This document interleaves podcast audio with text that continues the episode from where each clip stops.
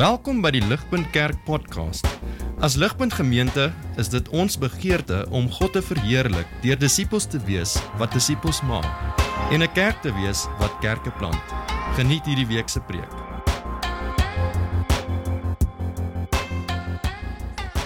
Galasië, Kappadosie, Asië en Bithynië, hulle wat uitverkies is volgens die voorkennis van God, die Vader, om deur die heiligmaking van die Gees gehoorsaam te wees en met die bloed van Jesus Christus besprinkel te word. Mag genade en vrede in oorvloed aan julle geskenk word. Lofwaardig is die God en Vader van ons Here Jesus Christus. Dit is hy wat ons in sy groot ontferming deur die opstanding van Jesus Christus uit die dood opnuut verwek het, sodat ons 'n lewende hoop mag hê op 'n erfenis wat nooit vergaan, besmet word of verwelk nie, en wat in die hemel vir julle in bewaring gehou word. Ja, vir julle wat deur julle geloof deur die krag van God bewaar word in die verlossing wat gereed is om in die eindtyd geopenbaar te word. Hierbil hieroor, al moes hulle onlangs vir 'n kort tydjie deur allerlei beproewings bedroef word. Die doel was dat julle duidelik sou blyk dat die egtheid van julle geloof 'n egtheid wat baie kosbaarder is as goud, wat verganklik is, maar nogtans met vuur getoets word, uitloop op lof en heerlikheid en eer wanneer Jesus Christus geopenbaar word. Hom het julle lief, al het julle hom nie gesien nie, en al sien julle hom nie nou nie, glo julle in hom en nebel julle met 'n onuitspreeklike en heerlike blydskap omdat julle reeds deel het aan die doel van julle geloof, naamlik die verlossing van julle siele. En as julle hom wat nie volgens die uiterlike oordeel nie, maar ooreenkomstig elkeen se optrede wel as Vader aanroep, tree dan met onsag op in die tyd van julle vreemdelingskap. Julle weet tog dat julle nie met iets vergankliks so silwer of goud losgekoop is uit julle sinlose leefwyse wat deur julle voorvaders aan julle oorgelewer is nie, maar dat julle losgekoop is met die kosbare bloed van Christus, hy wat soos 'n lam is, vlekkeloos en sonder liggaamsgebrek. Julle egter is 'n uitverkore geslag, 'n koninklike priesterdom, 'n heilige nasie, 'n volk wat aan God behoort, sodat julle die deugde kan verkondig van hom wat julle uit die duisternis ge geroep het na sy wonderlike lig. Julle wat eers nie 'n volk was nie, maar nou 'n volk van God is, wat eers nie ontferming ontvang het nie, maar nou ontferming ontvang het. Geliefdes, ek dring daarop aan dat julle as bywoners en vreemdelinge julle weer- weerhou van die liggaamlike begeertes wat stryd voer teen die siel. Gedra julle goed onder die heidene sodat hulle wanneer hulle julle beswadder asof julle misdadigers is, God op die dag van besoeking kan verheerlik omdat hulle julle goeie dade gesien het. Dankie Marisa, daai was 'n mond vol. Ehm um, maar hou asseblief die blaadjie byderhand. Ons gaan stelselmatig die tekste werk. Ehm um, en ek hoop ons gaan nie baie lank besig wees vir oggend nie. Ek moet sê dit was al reeds geweldig bemoedigend om die liedere saam te sing wat ons saam gesing het wat wat al die waarhede kommunikeer wat die teks ook vir ons vir oggend inhou. Ehm um, en so ek is opgewonde om vir oggend weer na hierdie teks saam te kyk.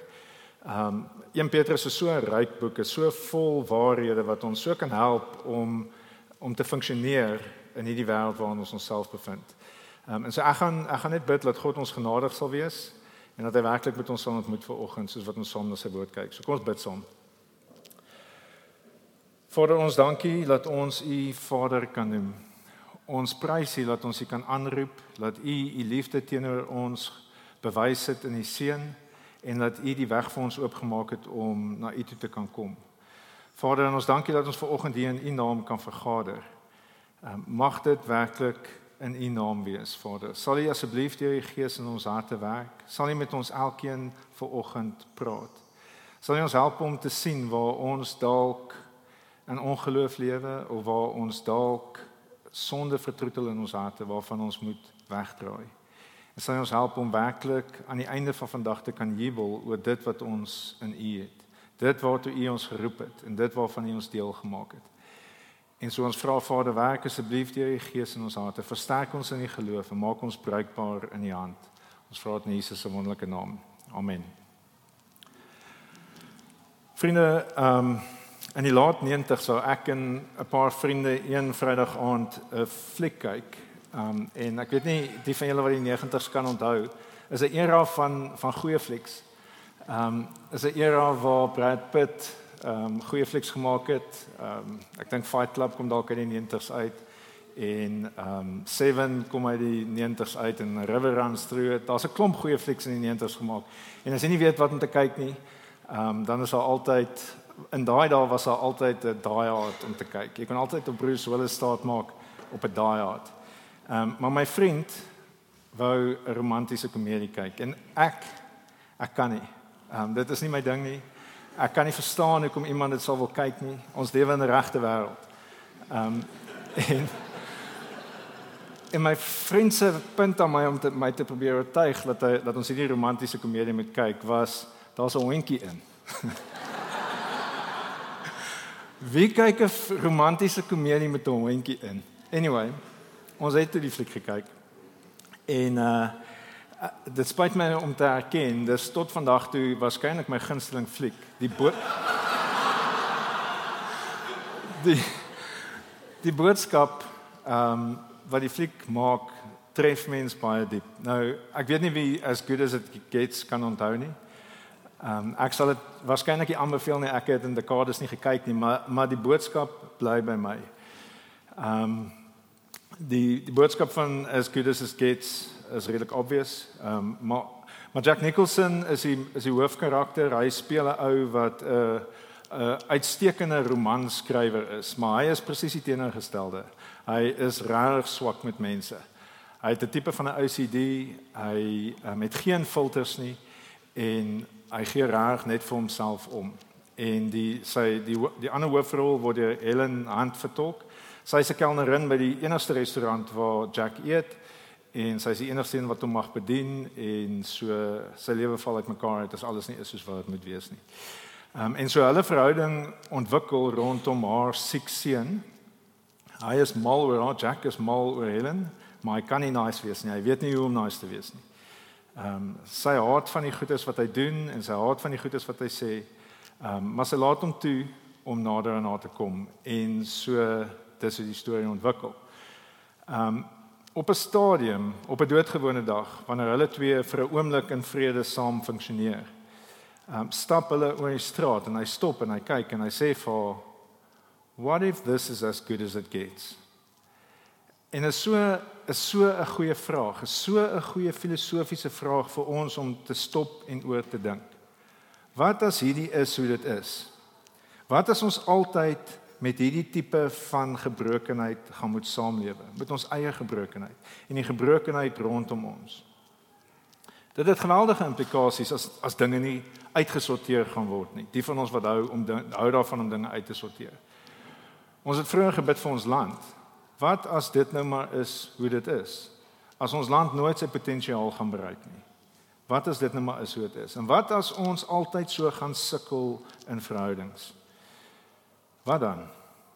Hoe gaan dit wees? Wat as ons elkeen vir ons hele lewe lank en tot in infinity gaan sukkel met ons sondige begeertes? Wat as ons nooit vordering gaan maak in ons stryd teen sonde nie? Nou Jack Nicholson in die fliek praat nie as 'n Christen nie. Wanneer hy die vraag vra what if, what if this is as good as it gets, dan bedoel hy dit is wat dit is. Dit is dit is 'n beperkte bestaan van van wie ons is en waartoe ons geroep is. Hy kyk na die wêreld asof God nie bestaan nie en hy vra what if this is as good as it gets. Maar vir die van ons wat glo in God, wat glo dat daar 'n God buite hierdie wêreld staan wat goed is. Ons weet hierdie is nie as good as it gets nie. Ons weet ons hoef nie ons best life now to live nie. Soos wat die nie-Christen uitroep is nie. Ons hoef nie ons best life now te lewe nie, want hierdie is nie alwaarvoor ons lewe nie. Ons kan nou reeds sê, soos wat vers 6 sê, jubel hieroor. Al moet julle onlangs vir 'n kort tydjie deur allerlei beproewings bedroef word. Want vers 3 sê: Lofwaardig is die God en Vader van ons Here Jesus Christus Dit is hy wat ons in sy groot ontferming deur die opstanding van Jesus uit die dood opnuut verwek het sodat ons 'n lewende hoop mag hê. Ons het 'n lewende hoop. Ons is opgewek in 'n lewende hoop in. Hierdie is nie ons ware tuiste nie. Hierdie is nie ons huis nie. Hierdie is nie ons beloofde land nie. Ons is in die wildernis. Ons is op pad. Ons beweeg deur die wildernis op pad na die beloofde land toe. En vandag se teks help ons om te verstaan waar ons onsself bevind en wat dit vir ons beteken. Sien, ek dink ek maak baie keer fout. Ek dink baie van ons het baie dinge waarmee ons sukkel as ons sukkel in ons sondige stryd. My sondige stryd is baie keer teen gemak. Ek wil gemaklik wees. Ek wil sekuriteit hê. Ek wil veilig wees. In 'n wêreld waar ek nie wat nie my tuiste is nie, beteken dit ek kan my tyd mors op die verkeerde goeders. Vir vir ons om te veg vir ehm um, vir gemak in hierdie wêreld is soos om vir die Israeliete wat uit Egipte uit verlos is en op pad is na die beloofde land toe om hierso te probeer hemel op aarde skep. Dis wat ons doen as ons hierdie wêreld se afgode aanbid. En hierdie teks help ons om dit nie te doen nie. So ons gaan drie dinge sien in hierdie teks. Hy herhaal dit drie keer. Ek het vir ons die die woorde vreemdeling, vreemdeling, vreemdeling in die in die teks um net beklemtoon dat ons dit kan sien, maar daar's drie dinge wat saam met vreemdeling of drie vreemdeling is een van die drie goed is. Maar ons daar's twee ander konsepte ook. Ons is vreemdelinge, ons is veilig en ons is heilig. En so dis die drie gedagtes wat ons saam by gaan stil staan en gaan dink oor hoe dit ons help om te verstaan waar ons onsself bevind. Nou ons het in die reeks so ver, um, soos wat ons aan die begin van die jaar staan en ons dink oor ons roeping as 'n kerk, het ons in die reeks so ver gesien wie God is. So ons het gesien God is die een wat ons red uit duisternis is in in sy koninkryk van lig in. God is die een wat ons red. 2 vers 9 sê hy het ons uit die duisternis geroep na die wonderlike lig toe. En verlede week het Johan ons gehelp om te sien wie ons is. Wie is ons dan as God die een is wat ons roep in sy lig in?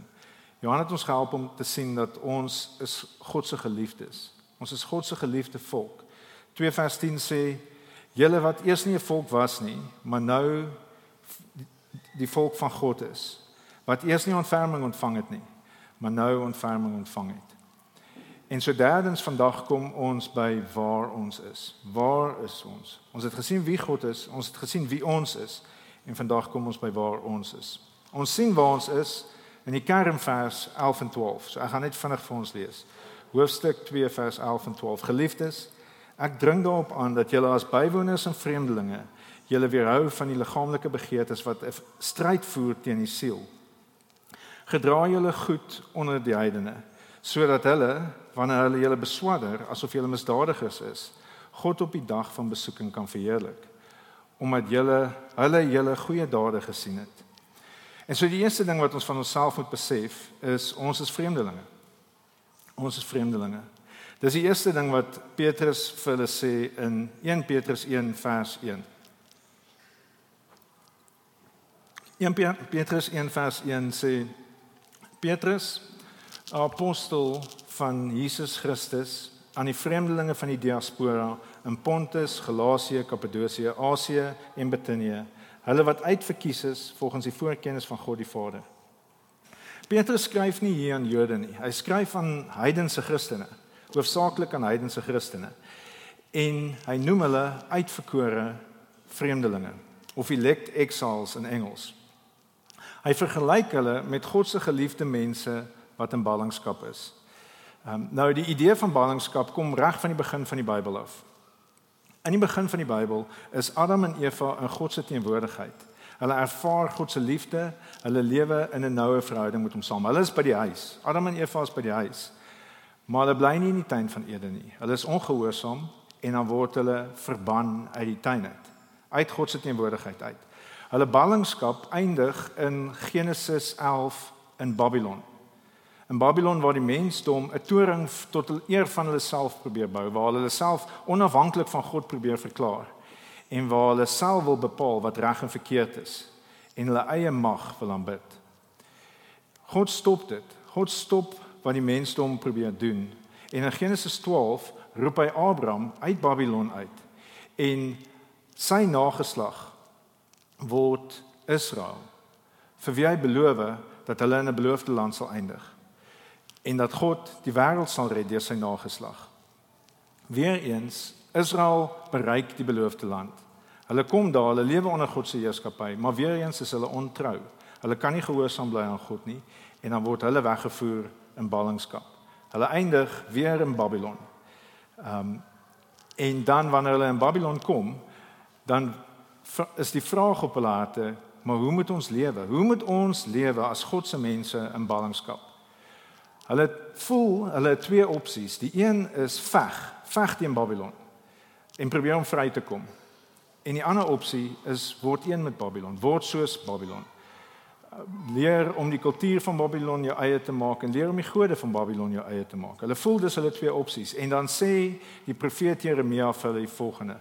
Ehm um, Pieter sal dit vir ons opsit. Jeremia 29 vers 4 van vers 4 af sien ons 'n derde manier waartoe God hulle roep om te lewe in Babylon. So sê die Here, Heer oor alle magte, die God van Israel, aan al die ballinge wat ek uit Jerusalem na Babel in ballingskap weggevoer het. Bou huise en bewoon dit, plant tuine en eet vrugte daarvan. Neem vroue en verwek seuns en dogters en kry vir julle seuns vroue en gee aan julle dogters mans sodat hulle seuns en dogters kan kry. Word daar meer en moenie minder word nie. Bevorder die voorspoed van die stad waar jy ek julle in ballingskap laat gaan. En bid dat die Here bid tot die Here vir die stad want in sy voorspoed is daar ook vir julle voorspoed. Ja, so sê die Here, as 70 jaar vir Babel verloop het, sal ek aan julle aandag gee en my goeie belofte aan julle gestand doen om julle na hierdie plek toe terug te bring.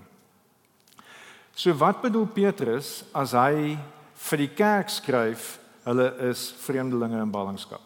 Wat bedoel hy? Wat beteken dit dat hy dat hulle in Babylon gaan wees vir 'n spreekwoordelike 70 jaar? Dit beteken God se mense is nie by die huis nie. Ons as God se mense is in 'n land waar ons onderdruk word en waar ons van ons regte ontneem word en waar um, ons geroep word om mense rondom ons lief te hê en vir hulle te bid en tot voordeel van hulle op te tree is presies dieselfde vir ons as wat dit was vir Israel in Babilonië en as wat dit was vir die kerk in Petrus se tyd 2000 jaar terug. Selfs al woon ons families 300 jaar of selfs 1000 jaar hier in die suidpunt van Afrika, is dit nie ons tuiste nie. Dis nie ons erfenis nie. Ons erfenis is in die hemel by God. Kom ons lees net weer vers 3, hoofstuk 1 vers 3. Lofwaardig is die God en Vader van ons Here Jesus Christus. Dit is hy wat ons in sy groot ontferming deur die opstanding van Jesus Christus uit die dood opnuut verwek het sodat ons 'n lewende hoop mag hê op 'n erfenis wat nooit vergaan nie, besmet word of verwelk nie en wat in die hemel vir julle in bewaring gehou word. Ja vir julle wat deur julle geloof deur die krag van God bewaar word vir die verlossing wat gereed is om in die eindtyd geopenbaar te word. Hierdie is nie ons tuiste nie. Hierdie is nie ons erfenis nie. Die wêreld, hierdie wêreld verwerp Jesus as koning. Um Paulus noem hierdie wêreld die koninkryk van duisternis. En God het ons deel gemaak van die koninkryk van lig, maar ons is nog nie daar nie. Hierdie lewe wat ons hier lewe is tydelik. Die impak wat ons hier kan maak is beperk, maar dit het ewigheidswaarde. Ons lewens kan 'n verskil maak. Ons is nie toevallig hier nie. Ons is nie hier omdat God van ons vergeet het nie. Ons is hier want God het 'n plan met ons. Hy het 'n doel vir ons lewens. Ons het 'n kort tydjie hierso wat ons 'n verskil kan maak vir die koninkryk van lig. En so ons moenie verbaas wees as ons swaar kry nie. En ons moenie verbaas wees as die wêreld ons goeie pogings verwerp nie of as die wêreld ons vyandig gesind is nie. Ek sê dit en ek kyk na 'n vertrek waar ek weet waar mense swaar kry. En so dit behoort vir ons 'n bemoediging te wees. Hierdie is nie ons tuiste nie. Hierdie is nie al wat daar is vir ons nie. Ons kan in hierdie wêreld getrou bly want ons spreek woord spreek woordelike 70 jaar gaan gou verby wees. Hierdie is ons een kans om as vreemdelinge 'n verskil te maak en getrou te bly. En so ons is vreemdelinge, maar ons is veilig. Dis baie interessant om te sien hoeveel klem Petrus plaas op die feit dat ons veilig is. En so tweedens, ons is veilig. In vers 2, 1 Petrus 1 vers 2 maak Petrus die punt dat ons besprinkel is met die bloed van Jesus. Dit beteken ons sondeskuld is afgewas. Ons is totaal vry van dit wat ons voor God in die moeilikheid kan bring want ons is met Jesus se bloed skoon gewas. En dan gaan weer vir ons vers 6 lees want dit is so geweldig bemoedigend om te sien waaroor dit is wat ons reeds nou kan jubel. Dis 'n moeilike ding om te dink dat ons nou reeds kan jubel. Maar kom ons kyk wat sê hy van vers 6 af. Jubel hieroor al moes julle onlangs vir 'n kort tydjie deur allerlei beproewings bedroef word. Die doel was dat dit duidelik sou blyk dat die egtheid van julle geloof, 'n egtheid wat baie kosbaarder is as goud, wat verganklik is, maar nogtans met vuur getoets word, uitloop op lof en heerlikheid en eer wanneer Jesus Christus geopenbaar word. So wanneer ons as Christene volhard wanneer ons swaar kry, sien ons en sien ander dat ons geloof eg is. Hoe anders sal ons weet of ons werklik in Jesus vertrou? Dis soos wat ons getrou bly in swaar kry dat ons sien ons glo regtig. Maar dis ook soos wat ons getrou bly in swaar kry wat ons werklik uitsien na om saam met Jesus te wees. Uitsien na ehm um, vers 7 wat sê dat ons geloof uitloop op heerlikheid en eer wanneer Jesus geopenbaar word. Petrus herhaal weer in vers 8 dat ons veilig is. Vers 8 sê hom het julle lief al het julle hom nie gesien nie en al sien julle hom nie nou nie glo julle in hom en jubel julle met 'n onuitspreeklike en heerlike blydskap omdat julle reeds deel het aan die doel van julle geloof naamlik die verlossing van julle siele. Sien ons het reeds deel aan dit wat ons veilig maak. Ons het reeds deel aan die verlossing van ons siele. En daarom kan ons jubel en juig want ons is veilig. Hy sê dit weer in vers 17 en 18. Sê hy weer ons is veilig. Vers 17 sê hy God oordeel op grond van ehm um, nie op grond van die uiterlike nie, maar op grond van die innerlike. Maar ons verlossing is onverganklik want ons verlossing is in Jesus se bloed opgesluit. En so ek lees vir ons vers 17 en 18 ook. En as julle wat hom nie volgens en as julle hom wat nie volgens die uiterlike oordeel nie, maar ooreenkomstig elkeen se optrede wel as Vader aanroep, tree dan met onsag op in die tyd van julle vreemdelingskap. Julle wat tog uh julle wat weet, julle weet tog dat julle nie met iets onverganklik met iets vergankliks so silwer of goud losgekoop is nie.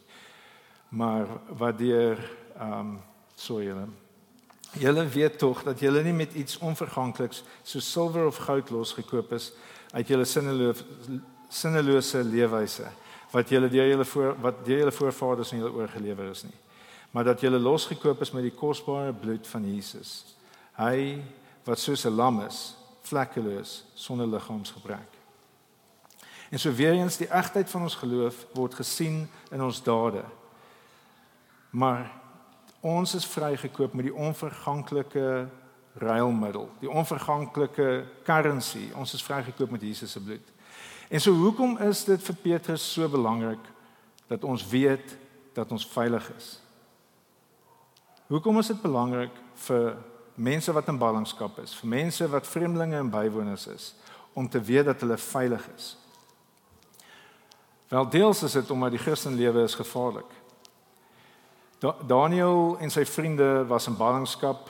Ehm um, En hulle het in Babylon gelewe soos wat God hulle geroep het om te lewe. Hulle was getrou teenoor God en hulle was goed vir die stad gewees. Hulle het onderrig ontvang in Babilonie, hulle het die klere van Babylon aangetrek. Hulle het selfs die name van Babylon aanvaar. En so hulle was goed vir die stad gewees. Hulle het baie hard gewerk vir die koning en hulle het bo die ander wat saam met hulle gewerk het uitgestyg. Hulle was baie baie baie goed gewees vir die stad waar hulle self bevind het. Maar toe daarvan hulle verwag word om die knie te buig voor die koning en voor sy afgode, het hulle nie. Hulle het nie, hulle was nie bereid om die knie te buig voor die afgode van Babylon nie. En toe het um, Sadrag, Mesach en Abednego in die vuuroond gegooi. En Daniël toe daarvan hom verwag is om nie die knie te buig voor God nie. Toe dit nie meer wettig was om uh, God te aanbid nie. het hy sy knie gebuig en hy is in die leeukuil gegooi. En so dit is nie veilig in 'n wêreld wat God vyandig gesind is om 'n Christen te wees nie, om vir God te lewe nie. Ek dink baie van ons weet hoe dit voel om goed te wil doen, maar stank vir dank te kry. Ek dink ons kan ehm um, as Christene baie keer onsself bemoei met situasies wat ehm um, wat morsig is, wat ons nie andersins sou doen nie. Ons ons gaan in situasies in, ons gaan om mense te gaan probeer help.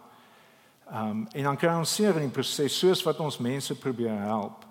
En daarom is dit vir ons baie nodig om te besef dat ons is veilig.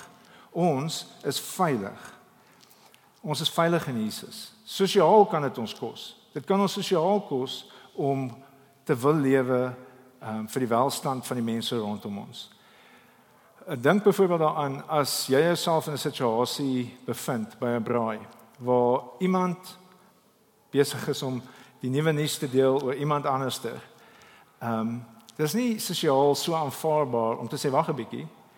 Ek dink nie wat jy nou doen gee die voordeel van die twyfel vir die persoon oor wie jy praat nie. Wag so klein bietjie. Hy is nie hier om homself te verdedig nie. Kom ons stop hierdie gesprek net hierso.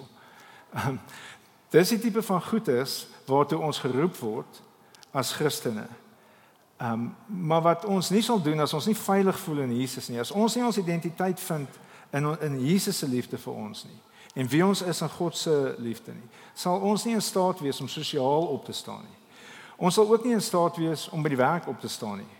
As ons nie in die diepste van ons wese glo dat ons veilig is nie, sal ons nie by die werk opstaan en sê ek weet nie of dit eerlik is nie. Ek weet nie of dit waar is nie. En ek stem nie saam dat dit die rigting is waar waarin ons moet beweeg nie, want dit gaan ander mense seermaak.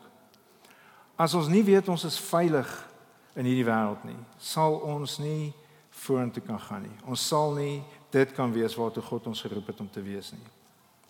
Dit slegs as ons werklik besef hoe veilig ons is in ons verhouding met God, dat ons kan risiko neem en radikaal vir God kan lewe. Daniel, Sarah, Mesach, Abednego en selfs Jesus was so oortuig daarvan dat hulle veilig is in hulle verhouding met God, dat hulle hulle lewens neergelê het vir God se glorie en vir die verlossing van ander. En ons kan die vermoedigheid hê om ons lewens neer te lê vir die voordeel van ander en vir die verlossing ehm um, van ander en tot die verheerliking van God. En so mense wat weet dat hulle veilig is, is mense wat derdens en laastens lewe asof hulle heilig is. Ons is heilig as God se mense. Petrus maak die punt in vers 2, hoofstuk 1 vers 2.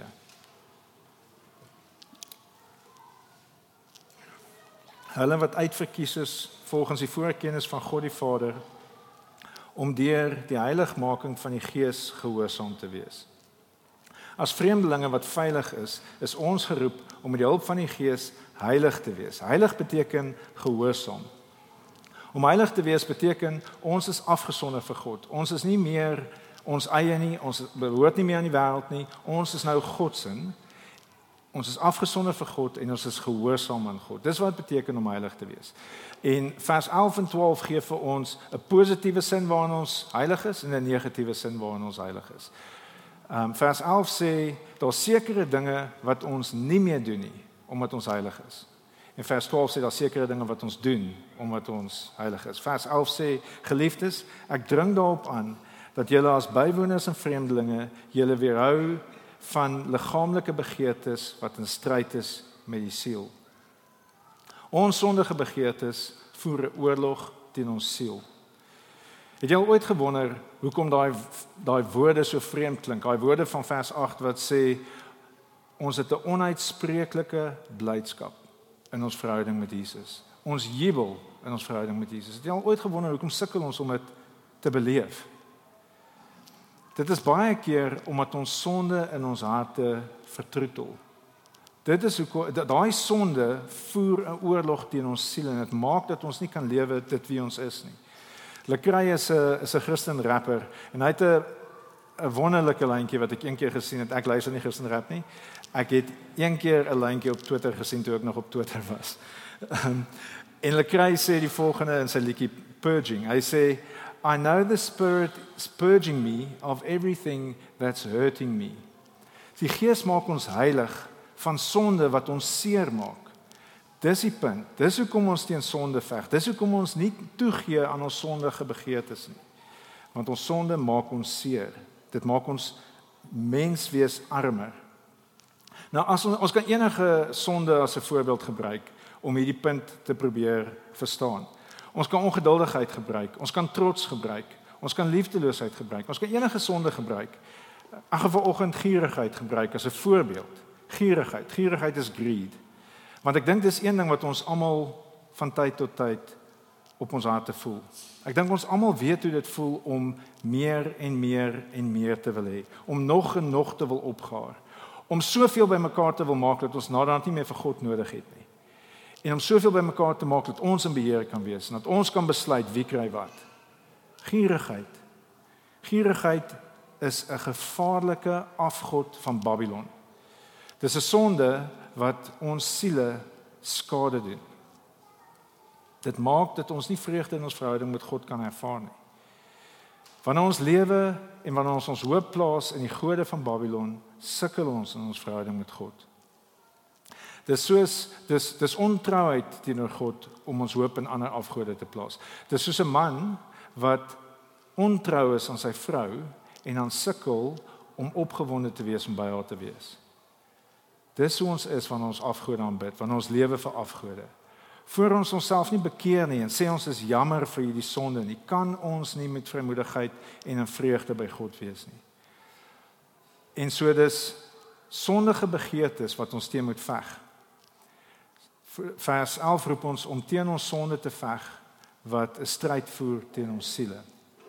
Want dit berokken skade in ons verhouding met God. Eerstens veg teen sonde, leef heilig want dit maak skade vir ons binne in ons. Die tweede rede hoekom ons heilig moet lewe is in vers 2. Ehm um, dis heiligheid in 'n positiewe sin. 12. Dis heiligheid in 'n positiewe sin.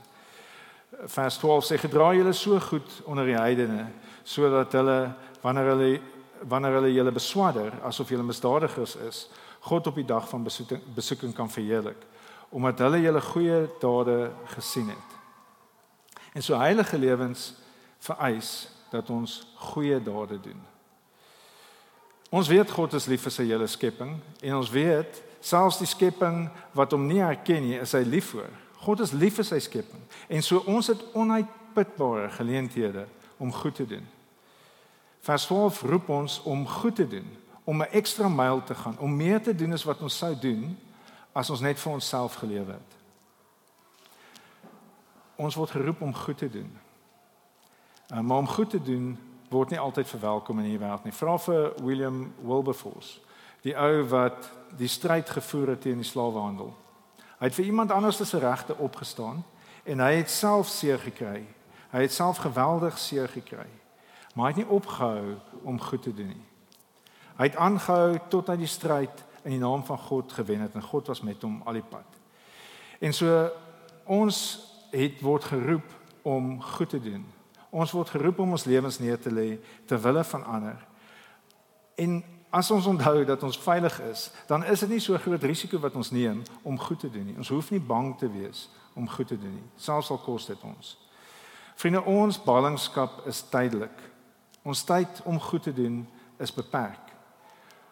Uh 2 Petrus 3 vers 8 sê Petrus vir die mense wat swaar kry, vir die gemeentes wat swaar kry, sê hy: "Laat hierdie een saak egter by julle nie verbygaan, nie geliefdes. By die Here is een dag soos 'n 1000 jaar en 'n 1000 jaar soos een dag. Die Here stel nie belofte uit soos party mense dink nie. Inteendeel, hy is geduldig met julle, omdat hy nie wil hê dat sommige mense verlore moet gaan nie, maar dat almal tot bekering moet kom." In vers 13 gaan hy aan maar ons verwag volgens sy belofte nuwe hemele en 'n nuwe aarde waar geregtigheid woon. Sien ons sal by die huis kom. Ons moet onsself herinner, ons sal by die huis kom. Ons sal op 'n plek kom waar geregtigheid sal seëvier en waar ons nie ongeregtigheid in ons harte meer hoef te veg nie. En waar ons ook nie ongeregtigheid buite ons meer hoef te veg nie. Ons sien uit na ewigheid by die huis. Ons het 'n lewende hoop. Ons kan nou reeds jubel en ons kan nou reeds word ons geroep om te lewe vir ons God en vir die ewigheid wat ons in sy teenwoordigheid gaan geniet. Ek sluit vir ons af. As 'n kerk, as ligpunt, moet ons besef dat ons vreemdelinge in hierdie wêreld is, maar ons is veilig en ons word geroep om heilig te wees. God het ons hier geplaas in ons tyd en plek om goed te wees vir mekaar en goed te wees vir die wêreld rondom ons. Want God kan ons gebruik om mense na hom toe te bring. God kan ons bring God kan ons gebruik om ewe om um, om tydelike verligting te bring vir mense, soos wat ons in liefde teenoor hulle optree. Maar God kan ons ook gebruik om verlossing te bring teenoor 'n verlore wêreld. En so hierdie wêreld is nie as goed as it gets nie. Um hierdie wêreld gee ons baie geleenthede, hierdie wêreld bied ons baie. Um en ons is baie om vir dankbaar te wees. Ons kan jubel selfs, maar hierdie wêreld is nie ons tuiste nie.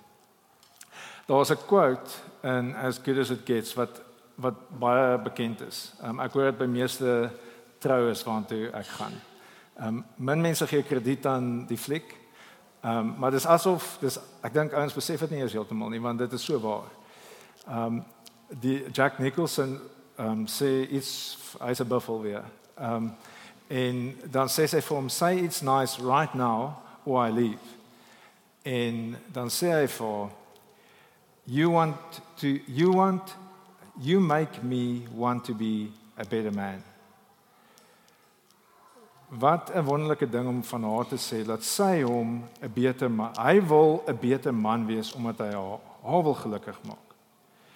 Ehm um, as en en ek dink ons besef dis waar. Baie van ons as ouers wil beter wees sodat ons kinders kan trots wees op ons of ons wil beter wees, ons wil minder selfsugtig wees en ons wil minder um hard wees omdat ons wil hê ons vrou moet trots wees op ons. Ons wil dapperder wees, ons wil vorentoe gaan, ons wil ons wil beter wees. Um as mense verhoudings dit vir ons kan doen. Hoeveel te meer nie ons verhouding met God nie. Dis waartoe God ons roep. God roep ons om te onthou dat ons tydperk as vreemdelinge is kort. Ons tydperk hier is beperk. Maar ons is veilig by hom en ons word geroep om heilig te wees. Ons word geroep om goed te doen. Kom ons bid saam en vra dat God ons sal help om te besef waar ons is. Kom ons bid saam. Vader ons dankie dat ons u Vader kan noem, dat ons na u toe kan uitroep en dat ons vir u kan sê hier is ons. Ons weet ons is sondaars. Ons weet ons maak foute. Ons kies baie keer die maklike pad. Ons voel baie keer nie veilig nie en dan kies ons die maklike pad. Vader, help ons om te besef dat ons is werklik veilig in U. Ons is veilig deur Jesus se bloed. Ons is veilig en daarom kan ons roekeloos goed wees. Ons hoef onsself nie te beskerm nie. Ons hoef nie te lewe om die lewe gemaklik te maak nie. Ons hoef nie te lewe vir sekuriteit of vir die bewondering van mense nie. Vader, ons kan lewe vir U. Maak ons heilig, Vader. Sonder ons af vir U en gebruik ons lewens. Ons pleit by U, gebruik ons lewens vir U glorie en vir die verlossing van ander. Ons vra dit in Jesus se wonderlike naam. Amen. Vir meer inligting oor Ligpunt Kerk, besoek gerus ons webwerf op www.ligpunt.com of kontak ons gerus by info@ligpunt.com